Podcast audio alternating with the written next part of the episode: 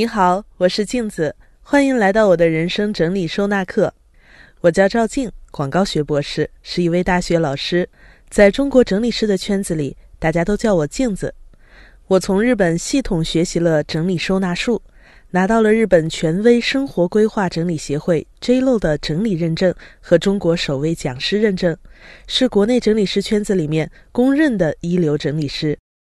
在通盘学习了日式整理流派的基础上，我融会贯通，结合心理学和咱们国人自己的生活形态，形成了自己完整的整理收纳理论体系，并开始针对家庭和个人进行一对一的整理收纳服务。到目前为止，已经积累了超过一千小时的咨询和服务时间。通常状况下，很多人会把整理看作是一个繁琐无趣的家务劳动。但我的课程会告诉你，在每个人一生当中，至少都应该有一次全面的整理。整理收纳不是简单的扔东西和归置物品，它是一个决策和判断的过程。这不光是对物品的取舍，更是你审视自己人生的一次机会。也有不少人把整理收纳当做一件事，其实整理收纳有先后顺序。有些人会误解整理就是扔东西，但我会告诉你，并不然。它是一个有选择、有意识的为自己保留合适的物品的过程。做完整理以后，才能进入收纳，否则没有前头的这个过程啊，收纳只是在打造一个漂亮的仓库。未经审视的人生不值得过，未经审视的物品也不应当收纳。收纳是在整理的基础上进行分类，它会使你的东西摆放得更加有逻辑、有结构。同时，按照你的思维习惯和行为习惯，形成一个你无意识就可以随手归位、方便生活的系统。为什么需要听我的人生整理收纳课呢？我给你总结了六大好处。第一点，可以帮你释放空间。在几十年前啊，我们物质贫乏、家徒四壁，但是今天已经进入了一个被大量商品包围的时代了。与此同时，一线、二线城市的房价又在高速增长。在物欲增长的同时，房子的平米数并没有相应的增长。膨胀的物欲加上有限的空间，你会被过多的生活物品逐渐侵占，它们成为了你的负担。二十一世纪最贵的是什么？是人。你辛辛苦苦工作，加班挣钱买房，结果没有让自己住得更舒服，反而堆满了时刻都在贬值的物品，这个账怎么算都不划算。从经济的角度，你需要整理。如果通过整理释放出十平米的生活空间，也许你都不需要换第二套房了。到了办公室，写字楼寸土寸金，能分给每个人的工位非常有限。一张桌子，几个抽屉，属于你的工作空间是很狭窄的，也需要你做好整理收纳。第二点好处，帮你的注意力减负。搁到三四十年前，中国人家里一共也没几件东西，找个东西不费劲。可是到了今天，围绕一个三口之家，即使不是大富大贵，家里都有超过一万件东西。东西多说明物质发达，这当然是好事儿。但是它带来的一个负面效应就是，你管理它需要耗费的精力也越来越多。每天站在衣柜面前，要花好长的时间来决定穿哪一件衣服、哪双鞋。网上的图书打折，你一激动就囤了好些。收到快递才发现，有几本去年都买过了。一份文件，老板急着要你，半天翻不出来，是不是耽误事儿？不管是买东西、用东西、找东西，还是决定不要的东西该怎么办，都在不断的耗费你的金钱、时间和大脑资源。这些未经整理的东西，不是你拥有它，而是它在占有你。人的精力是有限的，你要做的事情那么多，要工作，要进修，要陪伴家人。不应该耗费大量精力在找东西、收东西上头。从效率的角度，你需要整理。第三点好处，帮你认识你自己。往浅了说，整理收纳是个家务活儿；但往深了看，它其实是一个自我认知的心理过程。在这个过程当中，甚至能够达到心理疗愈。认识你自己，古希腊神庙上刻着这句神谕。苏格拉底也常用这句话教育自己的学生，这可以说是所有人都要面对的一个人生课题。不是每个人都具有哲学家那样的思考能力的，自己的内心世界和大脑不容易被看见，但是房间里的物品可是看得见、摸得着的。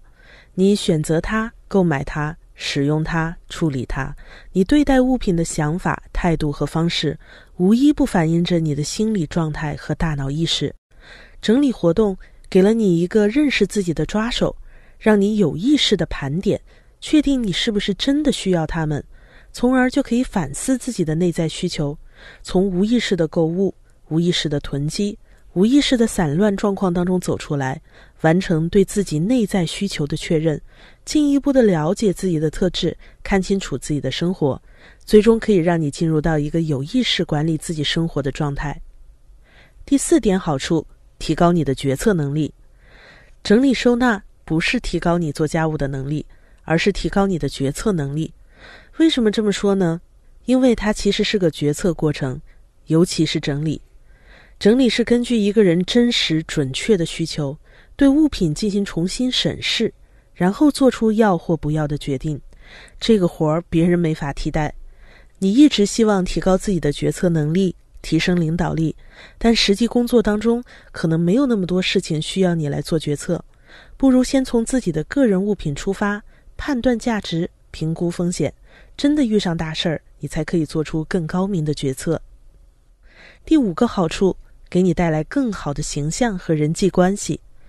家庭空间呈现出来的面貌，是你作为一个女主人的基本形象。你办公桌的样子呢，是你在公司形象的一部分，领导、同事都看得见。家里乱糟糟的呀，别人会觉得女主人不合格。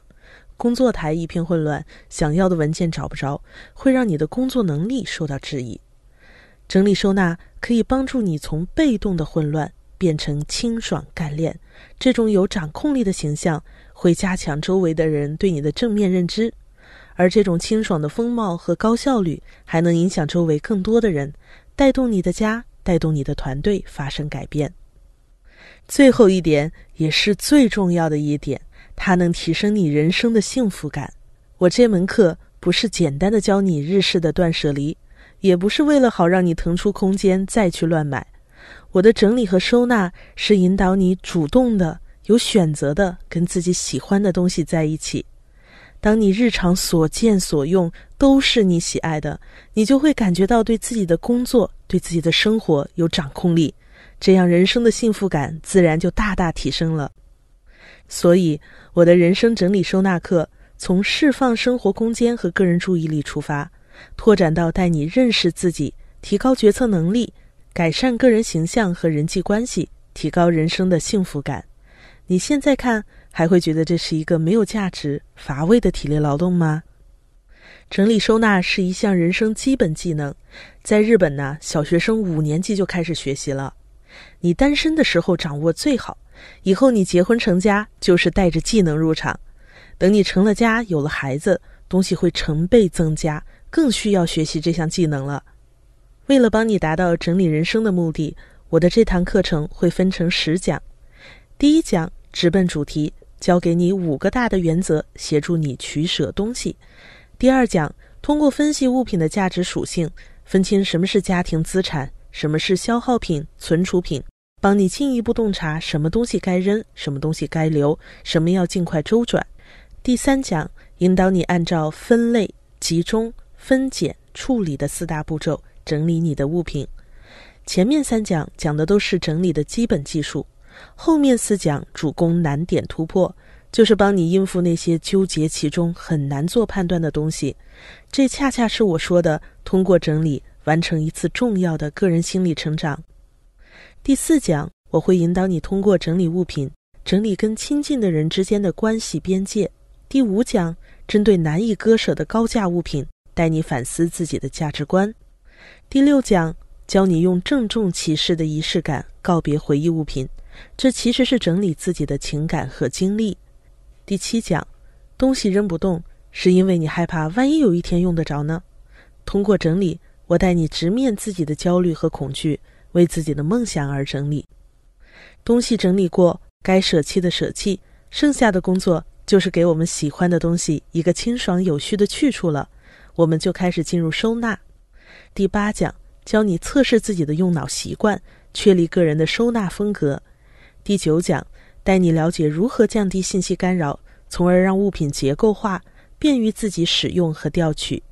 第十讲教你规划收纳空间的原则，还给你讲讲如何购买收纳用品。经过这样一次全面的整理和收纳，你会获得释放的空间、精简的物品，从此管理物品的时间精力变少，心情愉悦，购物习惯明显改善。更重要的是，对自己有一个清晰的认识，更加有掌控感的去生活。每个人开启自己人生的整理和收纳有两个最好时机，一个是岁末年初，另一个就是立刻眼前当下。下面就马上跟我进入第一讲：扔东西的五个标准。